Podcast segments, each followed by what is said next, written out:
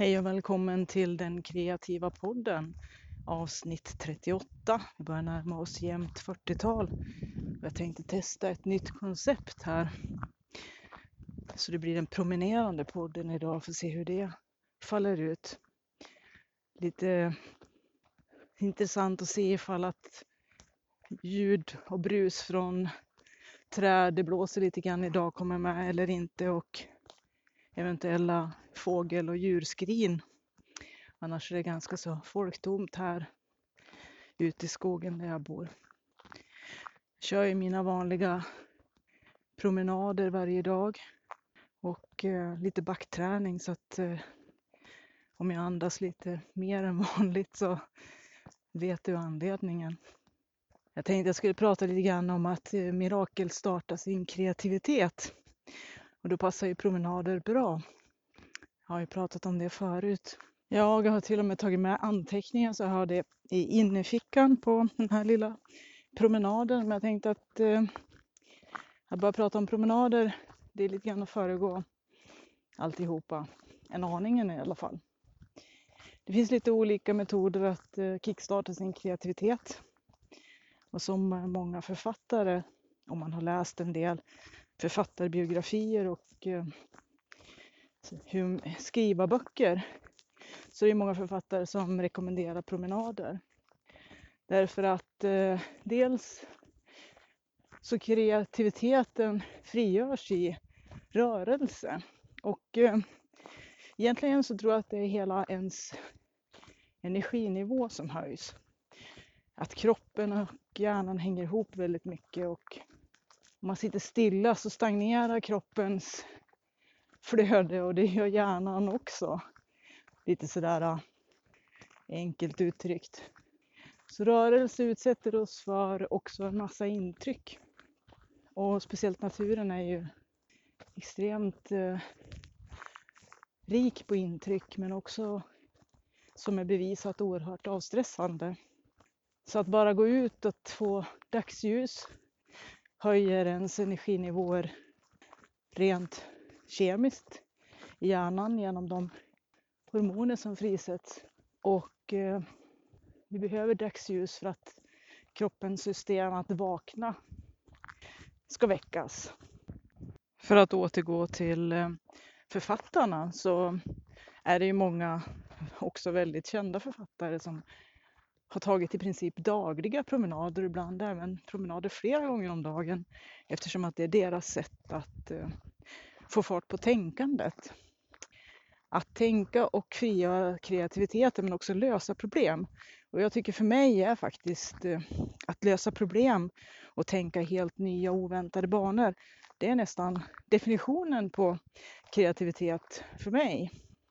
Och eh, allra helst när man har kört fast så är det många författare och andra kreativa människor som har kommit underfund med att just det här med att promenera. Dels bryter man den här äh, stillasittande eller monotona eller stagnerade situationen. Och att bara lämna arbetsbordet eller arbetsplatsen för att, som jag har pratat om i någon tidigare podd, när jag reparerade maskiner, att ibland när man har stått och funderat över ett särskilt trassligt problem länge och sen bestämmer sig för att eh, bryta och ta en kopp kaffe så på vägen mot, mot verkstaden så slår den lite grann som Heureka. Ja, visst, så måste det ju vara. Att jag inte har tänkt på det. Det kan ju också ha att göra med att man plötsligt också lite grann släpper den här eh, blockerade vi har ju en tendens att bli lite blockerade när vi blåtänker på någonting för mycket. Vi blir lite fixerade och så kör vi fast i samma tankebanor och så ser vi inga lösningar för att vi bara rullar runt i samma spår.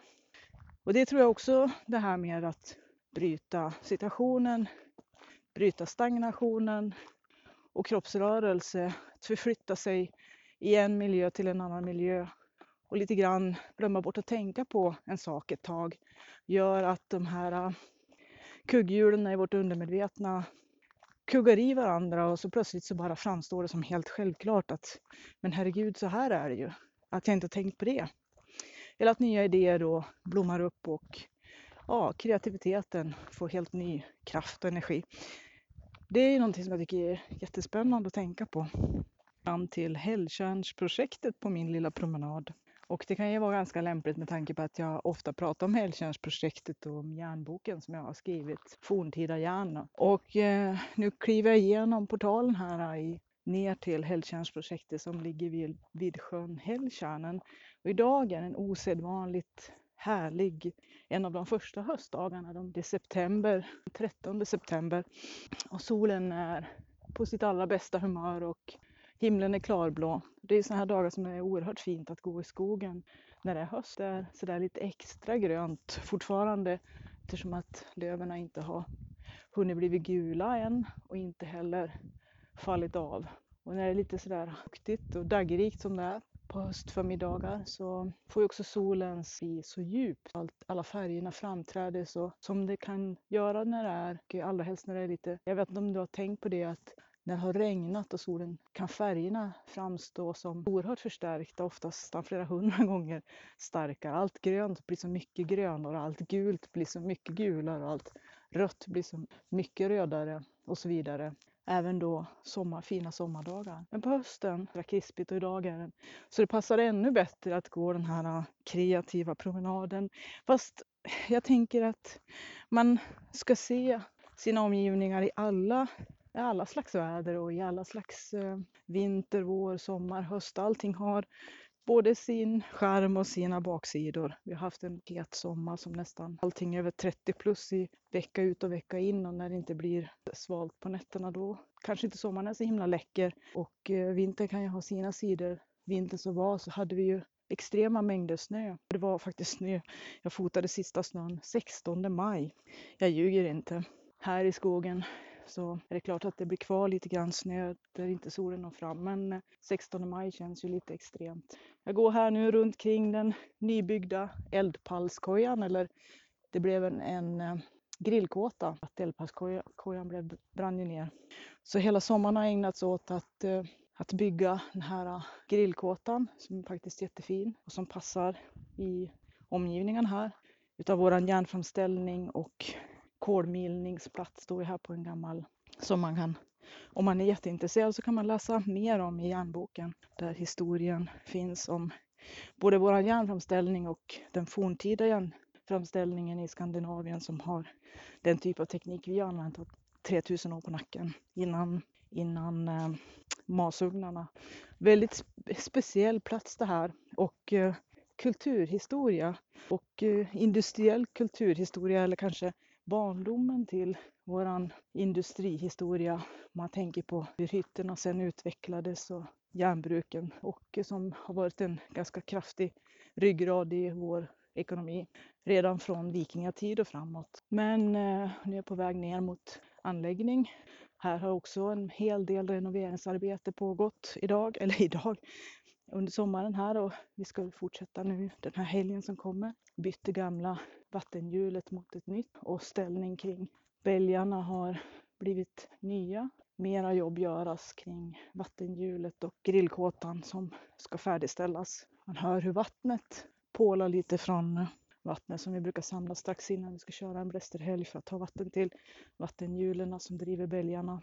Och man känner lukten här nu utav kära. Vattenhjulet blev ju kärat i förra helgen. Så kopiösa mängder med kära blåstes på och eh, vi kommer väl att kära till våren också. Försöka ha det som en årlig tradition. Så att eh, hjulet är vackert kärat nu och jag tänkte jag skulle ta lite bilder nu när jag ändå är på plats. Jag brukar följa allt arbete steg för steg och försöka fotodokumentera för att sen kunna lägga ut videos på nätet så att man kan se lite grann om vad vi sysslar med här på, i Helltjärnsprojektet. Så att eh, vill man kan man gå in på helltjärn som stavas med H-E-L-L-T-J-E-R-N.se. Där har vi hemsidan med eh, godsaker med bilder och videos och eh, boken och man kan också då klicka sig vidare till vår Youtube-kanal. Så jag håller just nu på med ett litet retrospektivt projekt där och eh, försöker lägga ut allt samlat material som jag har sedan alla tidigare år för att eh, så stor nytta på min hårddisk om inte någon annan får ta del av allt material tycker jag. Så det vill jag dela med mig men det är ett ganska så stort arbete, det tar väldigt lång tid att göra videos och sätta ljud till och klippa och klistra bilder och ett arbete in progress. Det finns både nya och gamla videos och jag kommer också längre fram att lägga ut videos från lite arkeologiresor som jag har gjort och eh, från Medeltidsveckan och sånt där. Så håll utkik, det kommer mera. Nu går jag här med solen i ansiktet och jag kan varmt rekommendera att gå ut och promenera och se sina direkta omgivningar. Det finns mycket fantastiskt runt omkring en som vi kanske glömmer bort. Alla ska åka utomlands och titta på en massa saker efter nästan schemalagt semester. Man ska nästan boka för kryssrutor och fullsprängt med aktiviteter och utflykter och allt vad det är för någonting. Och så glömmer man bort det som är precis utanför ens egen dörr. Och det tycker jag är lite synd för att det mesta utav rikedomen i livet är mycket närmare än vad vi tror. Eftersom att vi måste först få syn på det. Det är i de små detaljerna man kan upptäcka saker man inte visste om. Man kanske inte hör det i den här mikrofonen men jag hör i alla fall tranorna nu håller på att samla sig inför att flyga härifrån låter det som. Så att de eh, håller på att trumpeta lite på andra sidan sjön alldeles förfärligt. Det verkar vara någon slags typ av höstkonferens där. Så det är lite spännande. Och eh, jag har sett en del flyttsträck, ganska stora redan. Fastän att det fortfarande känns ganska varmt och hösten inte riktigt, riktigt än har infunnit sig. Ganska höga temperaturer vi har haft. Som jag sa tidigare, väldigt soligt och vackert här några dagar så att man liksom lite grann inte tänker på att hösten är ändå så pass nära. Att det snart är dags för fåglarna att flyga söderut. Jag fotograferade lite grann runt Älvpallskojan, eller ja, nu säger jag Älvpallskojan, men Grillkåtan heter det nu för tiden eftersom att det har blivit lite nytt där och eh, lite spännande att se spår efter älg alldeles utanför dörren där i kolstybben och eh, svamp, väldigt vacker svamp i, utanför som eh, också med älgspillning sådär lite dekorativt. Får se om jag lägger ut några bilder på det i, i samband med den här podden längre fram. Det är så här i alla fall att jag har en eh, Youtube-kanal även då för min kreativa sida förutom Hellkärns videos som ligger på Siddis, Z-I-D-D-I-S på Youtube. Om man söker på Siddis eller Siddharta så hittar man dit. Jag tror att man hittar det via hemsidan också, www.siddharta.se Z-I-D-D-H-A-R-T-A.se och eh, där kan man klicka sig vidare till, till videorna som ligger på Siddis på Youtube. Och där har jag börjat lägga ut de tidiga poddarna med eh, lite trevlig bakgrundsvideos och bilder på kreativt arbete. Främst just nu i alla fall då med mina smycken och pärlor men det kommer också bli förmodligen ifrån ja, typ sådana här konstnärspromenader och lite andra kreativa aktiviteter som jag tänkte att jag skulle företa i samband med att jag spelar in den kreativa podden. Och där kanske också ni har chansen längre fram när det här avsnittet har kommit på tur att komma som video på Youtube att se de bilder jag tar idag kanske. Får se om det blir någon videosnutt också. Så att eh, det är ju lite kul. Lite kreativt även det, så här, lite sidogrejer. Och kanske se lite grann vad som hände under den här turen när jag var ute och promenerade. Det är ju då för att komma in på en annan sån här kreativ, kreativ trick som jag ofta brukar använda mig av. Det är ju att jag tar med mig kameran på lite såna här eh, kreativa promenader eller fotosafaris. Och det gör jag också alldeles utanför dörren. Nu ser jag en jättefin slända som flyger precis framför ögonen på mig. En sån här mosaikslända, grön och, och eh, så att eh, man kan se så himla mycket på de här kreativa promenaderna ibland. Jag vill inte ta kameran med mig jämt eftersom att ibland kan faktiskt det vara väldigt lämpligt att inte bara vara så närig och, utan vara närvarande istället. Så att jag brukar blanda, ibland tar jag med kameran, ibland inte. Och eh, så här att ta, spela in en kreativ podd det är ju ett nytt grepp för mig samtidigt som att jag känner att det är faktiskt ganska givande. Och eh, tillför ju lite grann runt omkring i miljöerna här och man kan prata lite grann om som man tänker, ja när de här intrycken bara drabbar en. Dofter och ljud och syner. Så att eh, det blir liksom lite extra dimensioner till allting. Jag ska ta lite mera bilder förresten så att nu pausar jag inspelningen igen. Jag får limma ihop en massa små fragment ifrån den här lilla turen. Ja, nu är jag tillbaka igen efter lite fotograferande och eh, nu är jag lite i beråd här om jag ska gå tillbaka samma väg jag kom eller om jag ska gå ner mot sjön och sen genom skogen hem. Hur det kanske påverkar inspelningen, jag vet inte riktigt. Men eh, jag går ner en bit mot sjön här får se vad som händer. Ja, jag tänkte jag skulle prata om det här med att kickstarta sin kreativitet och eh, den här kreativa promenaden blev lite mer kreativ än vad jag hade föreställt mig. Och nu går jag förbi en jättelik myrstack. Den är cool och fantastiskt stor och full aktivitet. Så myrorna har inte gått och lagt sig för hösten än i alla fall. Den ligger precis i solen så det är säkert planerat. De har nog inte gjort det där av en slump. Så passerar våran utomhusscen med bänkar på ena sidan och scenen med fotoutställning som jag har gjort med bilder härifrån Hellkärn som jag har tagit. Väldigt vackert om jag får säga det själv. Och eh, serveringsstugan på vänster sida så finns Trollstigen som barnen brukar älska att gå. Så vi har en hel del fint här i skogen som är öppet för kreativa och människor som behöver rekreation i skogen. Barnfamiljer och människor med hundar och ungar och man kan komma hit alla tider på året faktiskt. Så det är många som grillar och badar och, och inte bara när vi har aktiviteter, aktiva evenemang som Hälltjärnsprojektets allmänna öppna blästerhelger som vi har flera gånger om året. Men eh, så det är gratis och det är öppet jämt. Och det är en sån här plats som jag tror att vi stressade storstadsmänniskor verkligen behöver. Om inte annat så är det också verkligen ett alternativ för barnfamiljer och människor som faktiskt inte har råd att åka på dyra evenemang varenda dag. Jag menar bara en tur till badhuset med ett par tre ungar kostar nästan en halv förmögenhet. Och eh, andra sådana typer av aktiviteter som tivoli och cirkus och olika typer av nöjesparker och sånt som eh, oftast kostar mycket mera pengar och är mycket mera stress än som jag tror inte alltid kanske är så himla stor behållning för all den påfrestningen. Även om att det också har sin skärm och sin plats naturligtvis. Men att människor behöver komma ut mer i skog och mark, promenera och se något nytt. Bryta upp ifrån sin stagnerade, inneslutna, innestängda skärmverksamhet och se någonting annat. Se något på riktigt.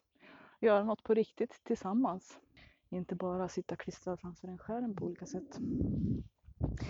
Så nu är jag nere vid sjön här och det är rasande grant. Glittrar och det är lite sådär lagom krusigt. Blåser lite grann också men inte så att det stör. Och ja, det nästan är den här svenska romantiska sommaren som man får vibbar utav fastän att det är höst och sommargästen åkt hem och det är ganska stilla här ute i skogen. Men fortfarande kan man njuta lite grann av de här sista sommardagarna känns det som. Så att eh, väldigt, väldigt eh, mycket värt den här lilla fåniga, spontana promenaden. Väldigt mycket livskvalitet för väldigt lite insats och kostar precis noll kronor. Och eh, därtill frisk luft, massa dagsljus som väcker en och gör en piggare. Aktiverar tallskottköttshormonerna och eh, får en att flåsa lite grann, få upp lite rörelse, lite blodcirkulation, lite flås och lite kondition. Röra musklerna lite grann. Bara plus hela vägen. Där såg jag en karl svamp som jag inte ska plocka nu. Jag såg några stycken tidigare också men den här turen har väl inte egentligen svampplockning på schemat. Lite mer älgspillning här uppför sagostigen. Nu står jag här och tittar in på sagotrollen som finns här. Jag har målat några stycken nya och kommer fortsätta med det. Jag har tagit över lite grann efter den damen som byggde det här, alltså nu börjar komma till åren så att det kommer bli mer aktiviteter kring Trollstigen hoppas jag så att den får lite förnyat liv och eh, sådär. Så att eh, man kan gå in på Hälltjärns hemsida helltjärn.se H-E-L-L-T-J-E-R-N.se Hitta karta och vilka datum vi har aktiviteter och se lite bilder och videos även från här. Så att eh, det börjar ju närma sig blästerhelg så vi ligger verkligen i för högtryck nu och försöka få allting klart med vattenhjulet och grillkåtan och eh, allt som måste förberedas med myrmalm och rostad rödjord och milat kol, träkol och ugnsanläggning och praktiska detaljer. Så vi har haft hela året också på grund av den här eldpallskojan som brann ner som vi har blivit en grillkåta av. Tagit hela sommaren och vi har haft arbetshelger, jobbat stenhårt i 30 plusgradig hetta uppe på kärat papptak. Ibland 12 timmar per dag. Hela juli plus både före och efter och nu är det ju som sagt september och arbetet fortsätter. Så det är ju en hel del att göra. Nu ser jag grillkåtan stå i ensamt majestät härifrån scenen och rasande grant ut måste jag säga. då nöjd och glad. Eftersom att det är en resurs och en rekreationsplats som sagt för som kan behöva komma ut i skogen och lufta både sig och ungarna och hundarna och ta med sig picknickkorg. Men också vara väldigt varse när det är som sagt eldningsförbud. Vi hade ju väldigt extrema skogsbränder den här sommaren som var ganska skräckinjagande och det brann faktiskt här också som de lyckades släcka i tid. Men eh, jag kan säga att det brann på andra sidan vägen och en kollega till min man ringde och berättade om att det hade gått ut larm om det. Så att jag evakueringspackade faktiskt. Och det är en ganska obehaglig känsla kan jag intyga. Nu gick det bra eftersom att de hade haft brandflyg som hade spanat och de hade spottat den här branden tidigt och kunde bekämpa den innan den gick överstyr. Så att eh, det var oerhört skönt. Men hela sommaren med tanke på den extrema hettan och eh, de fick införa nya grader utav högre höjt eldningsförbud. Ja, var det en ganska tuff sommar också. Inte bara med tanke på arbetet som eh, ja, jag var lite grann oroad. Inte helt hälsosamt att, att jobba. Min man gjorde då och i den hettan. Men det är klart nästan. Och eh, vi ska ha våran blästerhelg snart. Om du hinner lyssna på det här innan dess är du välkommen att ta dig hit. Öppet för allmänheten som sagt att titta på. Vi har serveringsstugan öppen så att man kan köpa kolbullar och fika och ta med sig. Det är också en väldigt fin kvalitet tycker jag. Som faktiskt inte bakar själv. Kunna slänga i frysen och ha hemma. Nu har jag i och för sig plockat över 120 liter lingon så att det är lite fullt i frysen men eh, det blev ett litet extremt år på det sättet i år för att ja, jag plockade både för oss och för svärföräldrarna för att kunna ta fram. Min man och min son äter ju en hel del gröt och de också med lingonsylt och det är ju ingenting som slår hem, hemkokt lingonsylt med riktiga bär.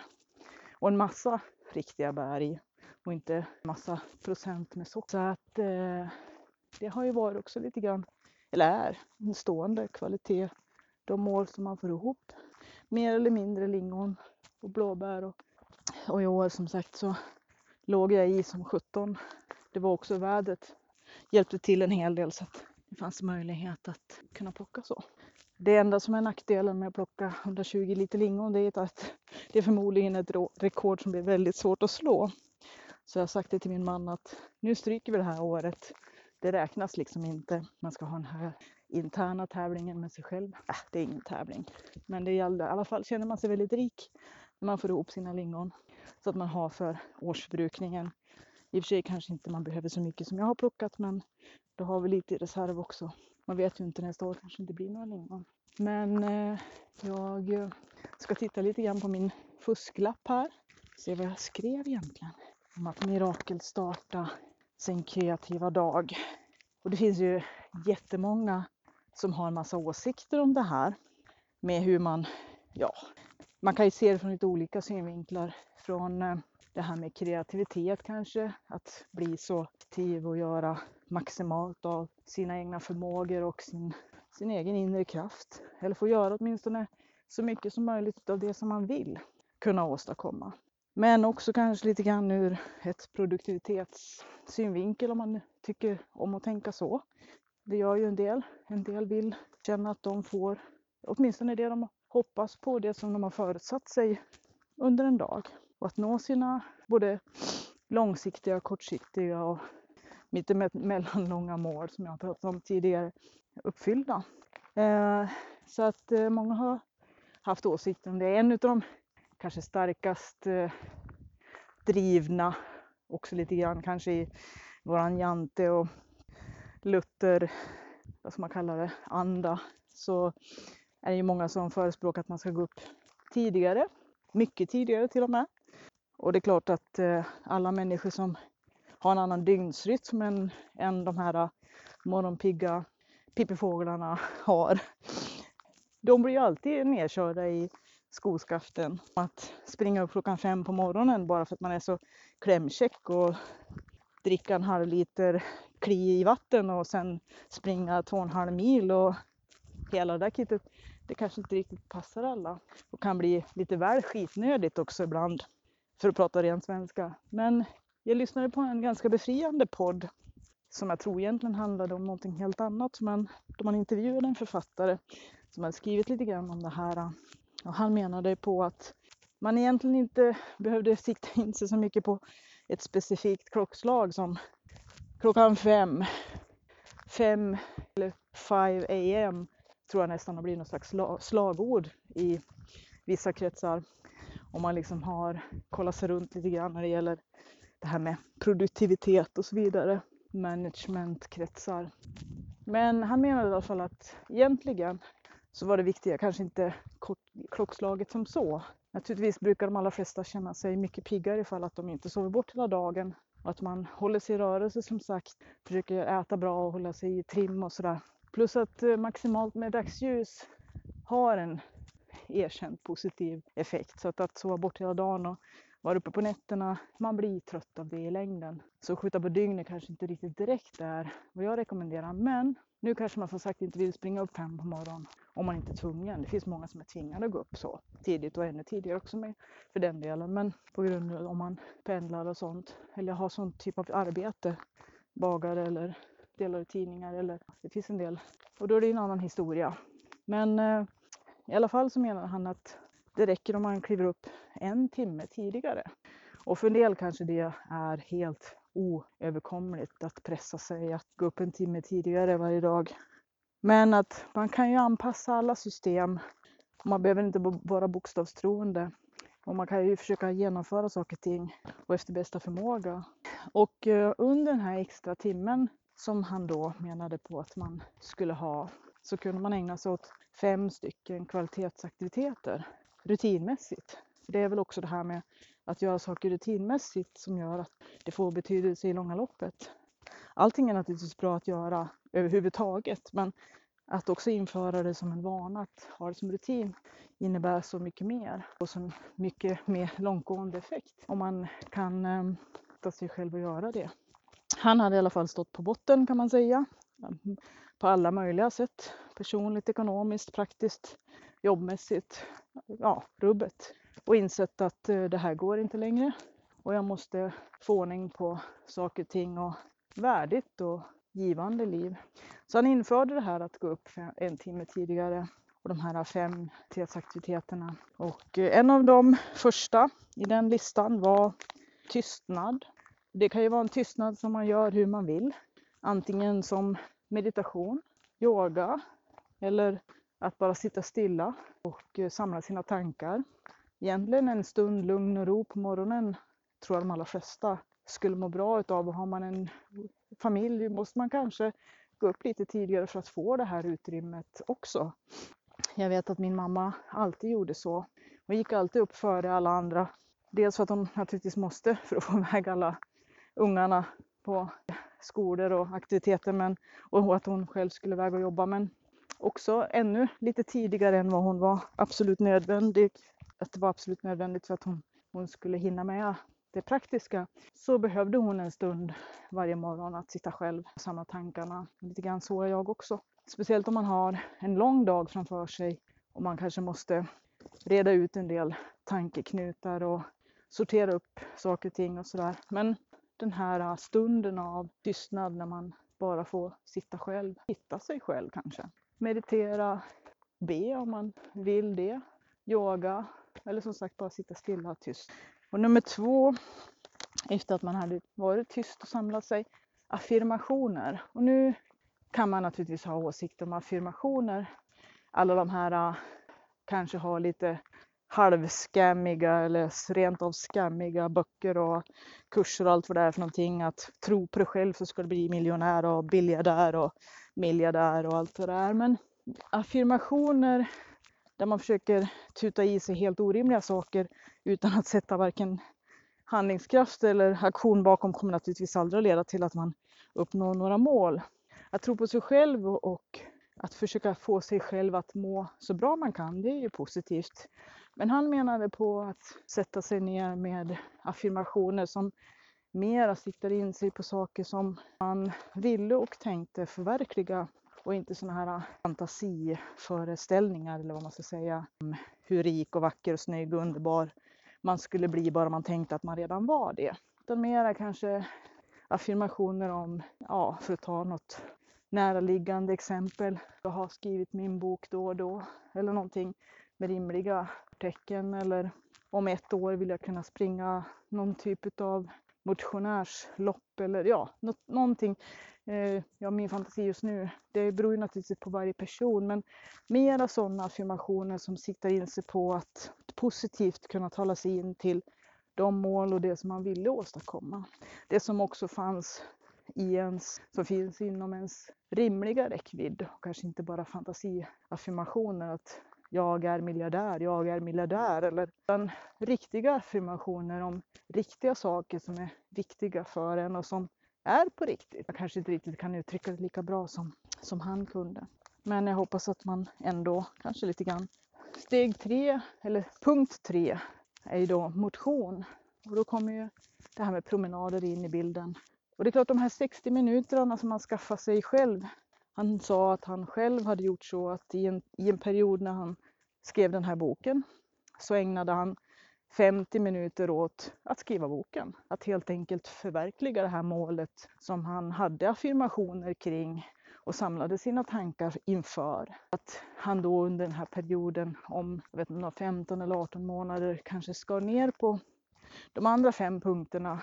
Den mesta tiden gick till att skriva boken just i den, i, i, det, i den perioden av hans liv. Men att man också kan dribbla lite så att eh, annars så kan man ju om man inte har någon, något större projekt som pågår så kan man ju naturligtvis dela upp de här 60 minuterna jämnt mellan de här fem aktiviteterna eller aktiviteter. Men motion i alla fall. Egentligen, att ta en kort promenad utanför sin dörr 10 minuter varje morgon, det är ju inte en sådär jättestor sak. Och man har ju kommit fram till att 10 minuter varje dag, promenerande form, är så himla mycket bättre än att försöka springa flera mil någon gång då och då när samvetet blir för starkt eller man plötsligt får sådana här äh, idéer om att man ska, i alla fall första veckan i januari då, förverkliga sina dyrt och heligt avlagda nyårsöl och nyårslöften. Eller när man, ja, ibland får en sån här äh, fast framdriven av en massa negativa saker. Lite tvingande att, nej nu jävlar är det dags liksom. Och sen springer man några mil några gånger tills man gör sig illa. Man har inte riktigt den underbyggnaden som krävs. Men som sagt, 10 minuters promenad, det är ju oerhört lättillgängligt. Och då får man ju samtidigt möjligheten till att samla sina tankar om man inte hinner göra det. I aktiv form bidra kreativt till både ens livskvalitet och till möjligheter att handskas med dagen som ligger framför en. Och rörelse är ju oerhört så välmående. Men promenad eller motion i någon form. Och eh, nästa punkt på hans lista var en stunds läsning. Och det är samma sak där också, att många tycker det här med att sätta sig framför en bok och läsa är oerhört, eh, ja, som man säger, pretto. liksom sådär, gud vad tungt. Men om man styckar upp det på många, många, många små bitar, att läsa en bok i tio minuter varje morgon eller varje dag, det är inte så betyngande eller betungande och är fullt genomförbart. Så att eh, en stunds tystnad, samla sina tankar, sen affirmera sig, helt kanske kort, så kanske skriva någon lapp eller sätta upp någonstans den eller de få, inte för många, gällande affirmationerna som man just då. Försök programmera sig själv till tre motion och fyra läsning. Nu kanske inte den här direkta ordningen, jag menar det är inte tvingande att man gör det i precis den här ordningen, det kanske är lite opraktiskt men eh, jag räknar bara upp dem så som jag minns dem. Den ordningen som jag bara kastade ner anteckningarna på frihand långt efteråt. Den sista punkten med hans lista då var skriva. Skrivande och det betyder inte att skriva en bok utan att eh, skriva vad sjutton man vill egentligen. Det kan ju vara att man skriver på en bok men det är ju egentligen inte alla som är intresserade av eller kanske är betjänta av i det här sammanhanget. Men sätta sig ner med en daglig liten journal, skriva några meningar, också kanske kasta ner sina tankar och formulera sig. Många som skriver dagbok har ju kommit fram till att det är något som har utvecklat dem själva och deras liv och deras förmåga att handskas med både livets problematiska sidor och också även kanske se de roliga och viktiga sidorna av sitt liv och att kunna ge dem mera. Att det är lätt att skymmas av vardagens grå malande och att skriva är ett sätt att få syn på saker. Väldigt mycket för mig. Jag skriver ju på allt som rör sig nästan tänkte jag säga. Men ett anteckningsblock. Baksidan av kuvert om man nu inte vill göra det så märkvärdigt. Kludda lite eller skriva dagbok eller föra journal. Vilket som. Man kan göra det både i telefonen eller i datorn eller på papper. Jag tror att egentligen är det nog i ett sånt här sammanhang det allra bästa att använda papper och penna. Att den här rörelsen att formulera sig med papper och penna är väldigt eh, annorlunda än att skriva på ett tangentbord. Det ena utesluter inte det andra men att jag tror att man får en annan dimension på skrivandet när man skriver eh, sina privata tankar bara för sig själv och använder papper och penna att få forma orden. Nu skriver jag själv oerhört oläsligt och skriver verkligen fruktansvärt fult. Och eh, min man han har efter 20 plus års vänskap och, och, och kompanjonskap och samboskap och äktenskap lärt sig att tolka mina ruskiga kråkfötter. Men han kan nästan, i alla fall till en 70 procent, tyda det jag skriver. Men så illa skriver jag alltså. Fast jag själv kan läsa och tolka det jag skriver hyggligt bra i alla fall. Men eh, någon annan människa kan inte alls läsa det jag skriver. Så jag tror inte att man ska ha några krav på sig att skriva särskilt vackert om man tror att det är det det handlar om. Man kan för all del ha en väldigt fin anteckningsbok eller dagbok eller väldigt skön penna att skriva med. För det är sådana saker som kan göra det till en, en sinnlig upplevelse tillsammans med den här rörelsen som jag tror gör att man får en annan kontakt. Både med skrivandet, med sig själv och sina tankar. Så läsning och skrivning. Om man nu vill komplettera den här listan med lite andra aktiviteter som man kanske kan göra lite mera på, inte daglig basis, men enligt Julia Camerons recept. Där skrivandet också var med. Eh, hon menar ju på att man ska skriva morgonsidor varje morgon. Man kan hälla upp en panna te eller kaffe och, och skriva så det glöder i antingen kanske en viss... Hon tänker i bästa, i de bästa, för att få de bästa omständigheterna så skriva i typ tre sidor handskrivna. Hon är väldigt noga med att det ska vara handskrivet. Och det ligger någonting i det. Jag har kört de här morgonsidorna, inte hela tiden och inte regelbundet, men då och då så gör jag kampanjer och gör morgonsidor oftast då när det verkligen behövs. Och det har, när jag tittar tillbaka på de anteckningarna så ser jag att ja, det har verkligen behövts. Och det var väldigt, väldigt bra för mig att skriva det där och få syn på det där. Och så här i efterhand också kunna titta tillbaka och se det i backspegeln. Men de här morgonsidorna är mer som ett kräkseminarium där man bara vräker ur sig av hjärtans lust och helt osensurerat bara huller om buller vad som helst. Inga som helst litterära kvaliteter eller ambitioner utan egentligen är det bara för att få ur sig all ackumulerad skit och kanske på slutet få kontakt med sånt som inte är grumlat utav allt, utav alla våra grubblerier och allt som vi fastnar i alla våra liksom, standardmässiga tankespår. Att när man har fått kräka ur sig så kanske det kommer lite fräscht och nytt under ytan som kan få chansen att få någon luft och kanske kan få syn på det också. Att då på slutet då när vi har kräkt ur oss två och en halv sida skräp och blaj kan få fram några meningar på slutet där som verkligen också som en terapi att vi behöver ventilera hela tiden och man kanske inte vill plåga sina nära och kära med att ventilera all, allt ältande och malande och sådär. Det är hänsynslöst om man överanvänder det. Eh, och också kanske i längden är det jobbigt att på och trycka ner sånt där alternativt att gå omkring och bara själv grubbla på det och älta och möla med sånt här i den här äckelgropen som jag kallar det. Få ut skiten bara, rent ut sagt. Eh, hon har ju då förutom morgonsidorna promenader. Så att det hänger ju också, det är samma punkt här för henne som det här med den här kreativa starten på dagen. Att eh, motion, promenader. Nu menar hon på i alla fall två gånger i veckan och då kanske lite längre. Lite mera i stil med författarna. I stil med författarna, deras lite längre oftast promenader för att lösa problem och sådär. Men dagliga promenader tror jag. Eh, så ett par bra skor, inte kanske att man måste springa till affären och köpa några jättedyra eh, snofsig, tofsiga eh, träningsdojor för flera tusen men några fotriktiga skor och gå lite längre promenader två gånger i veckan och också ventilera skallen och hitta sin kreativitet. Också de hälsomässiga aspekterna naturligtvis. Sen hade hon en, en punkt förutom skrivandet och promenerandet som var annorlunda från de här fem punkterna. Det var också en sån här äh, gå-aktivitet som man kanske kan göra en gång i veckan som hon kallade för konstnärsdejt eller att helt enkelt gå ut på något kul bara för sig själv. Och det, hon menar på att det var oerhört viktigt att göra det själv för att ha full tillgång till sig själv och sina tankar och att kunna få ha full kreativt inflöde, att fylla på sin kreativa källa. Och det kunde vara mycket enkla saker. Det igen ska inte kosta pengar nödvändigtvis. Det kan vara att gå in i en, som hon då berättar, hennes små hemliga nöjen, gå in i, en, i ett antikvariat. Hon är väldigt fast för att titta i kartaffärer med klockor. Och det kan egentligen vara vad som helst. En affär med väldigt vackra band och knappar om man är som jag intresserad av hantverk. Helst utan att köpa en massa saker.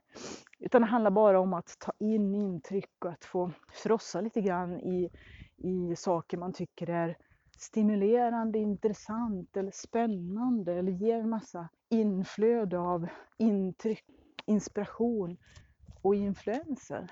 För henne att titta i kartböcker, kanske fantisera om resor, knappar och sånt där som kan sätta fantasin i rullning. Och egentligen så kan det vara vad som helst som man själv känner att man har en liten dragning till.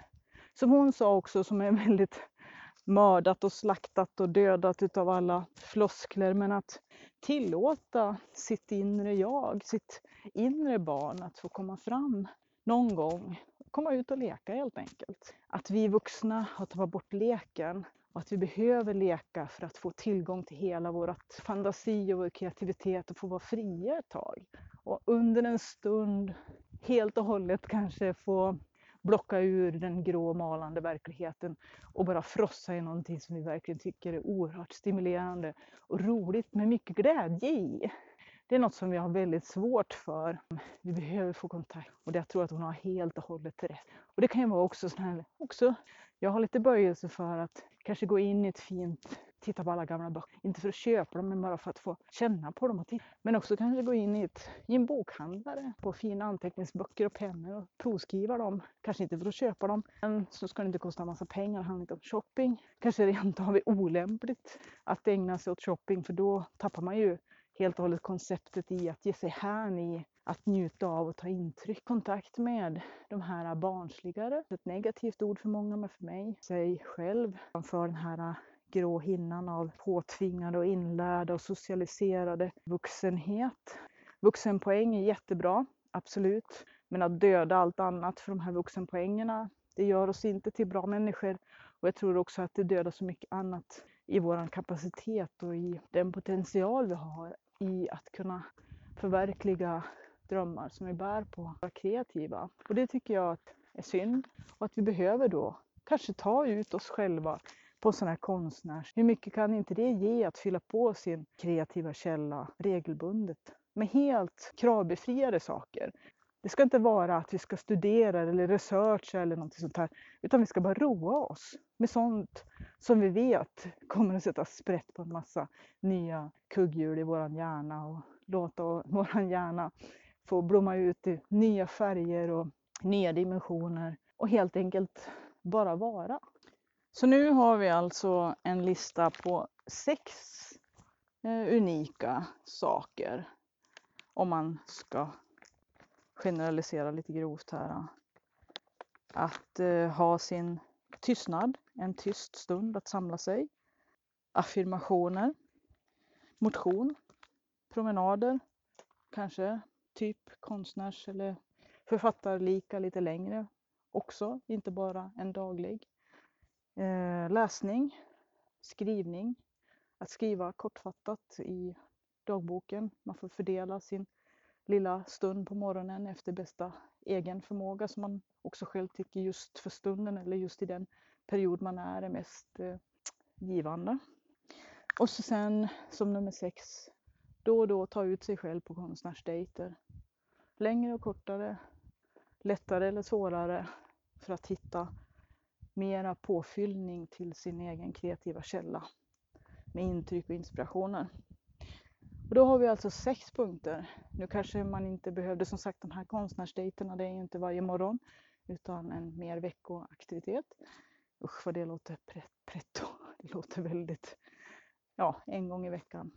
Men eh, det som jag skulle vilja lägga till till den här listan och som kanske inte heller är en sån här daglig aktivitet men som också för att eh, kickstarta sin kreativitet och som kommer att ge en daglig sån kick om man gör den regelbundet, det är då dekluttering eller att helt enkelt röja i, i oredan. Rensa, slänga, ge bort och eh, sortera och fixa och dona för att kunna andas lite lättare och hitta sina saker. Jag har pratat i ett helt poddavsnitt om bara det. Om dekluttering. Man kan kolla in videos på nätet också om att organisera och att eh, försöka få lite mera struktur. Men att just det här att vi har så himla mycket last med så mycket tillhörigheter och så mycket grejer som vi samlar på oss och att vi i princip inte nästan gör något annat än försöker sortera och eh, förvara allt skit vi sparar på. Och här är jag ju verkligen inte den som ska komma och komma med tanke på att jag har väldigt vad ska man kalla det, krävande materialsporter som hobby. Där ja, böcker och hantverk och att driva en webbshop till exempel inte alls är något jag rekommenderar men eh, man kan ju faktiskt lätta på lasten oavsett om man har väldigt mycket saker eller väldigt lite saker. Och eh, en del har faktiskt infört något de kallar för en påse om dagen. Att under 30 dagar se till att kasta en påse med skräp. Eller kanske om det inte är bara skräp, försöka samla ihop det till återvinning och eh, second hand och sälja på Blocket, Tradera eller vad man nu vill göra. Ge bort till vänner och bekanta.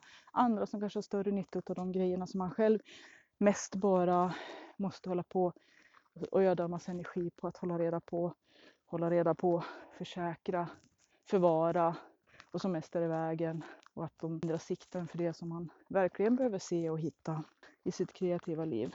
Så decluttering, att rensa röran, det är ju mitt extra lilla, min extra lilla punkt här. Om man vill göra det en gång i veckan eller köra en kampanj med en påse om dagen i 30 dagar och då verkligen se till att få ut skiten ur huset också. Inte bara lägga det någon annanstans så blir det kvar för då har man lite grann kommit tillbaka till ruta noll. Kanske till och med göra en rejäl kampanj. Det är väl nästan lite grann det som jag har sysslat med lite lågintensivt. Att se till att ordna allting mer och mer och få mina sygrejer på ett ställe och mina böcker på ett ställe. Och, så att eh, jag vet var jag har mina, visserligen materialintensiva men att ordna mina saker så att det känns mer kreativt och ger mer energi att hitta och göra saker än att ständigt stå där i röran och förbanna sig själv. Så det är kluttering. Jag har några punkter till och som jag tänkte jag skulle fördjupa mig lite mer i kanske i kommande avsnitt eftersom att det är saker som intresserar mig jättemycket. Och det är ju som eh, jag lyssnade på någon podd som jag tror också handlade om skrivande, en författare som var lite frustrerad över att eh, det var så svårt att eh, få något gjort på resor och sådär. Att när man kommer utanför sin rutin, eh, inte är i sin normala miljö, i sin vanliga sele, så tar det väldigt lång tid att komma in i banan igen och det är ett problem som jag också upplever. Så den personen, hon ville hitta bättre mobila rutiner för att kunna ha sitt kreativa och skapande liv och arbete även när hon är på resa. Så mycket då. Och framförallt inte känna sig hämmad helt enkelt. Som jag starkt kan relatera med. Så mobil rutin. Ehm, lite grann det här med min lilla hemliga secret dream om, om eh, att vara en eh, digital nomad. Vilket med tanke på mina ytterst materialintensiva materialsporter till hobbys och arbete inte alls kanske riktigt just nu är lämpligt eller går att genomföra. Men man kan ha hemliga drömmar och att man kan ju i alla fall utforska olika sätt att kanske ändå applicera det i sitt nuvarande liv på det sätt som man kan ha fantasi och kreativitet nog att, att komma på. Så att mobil rutin och digital nomad hänger ihop lite grann. Och det är väl lite grann vad jag hade på min lista förutom då det här med planering. Jag sitter just nu fast i att försöka lägga upp en eh, lämplig plan för det som är kvar av året. Att eh, nu skriver vi mitten på september så att det är ju en, drygt ett kvartal kvar på det här året och eh, att försöka arbeta mot de mål som jag har och att göra det lite mer målinriktat. Att känna att man får något ur händerna och då kan planering vara ett bra verktyg att sätta sig ner med. Så det är också något som jag tänkte prata om i kommande avsnitt. Så håll utkik, vi hörs mer. Det här har varit givande att kunna plocka med någonting av det som jag pratat om idag.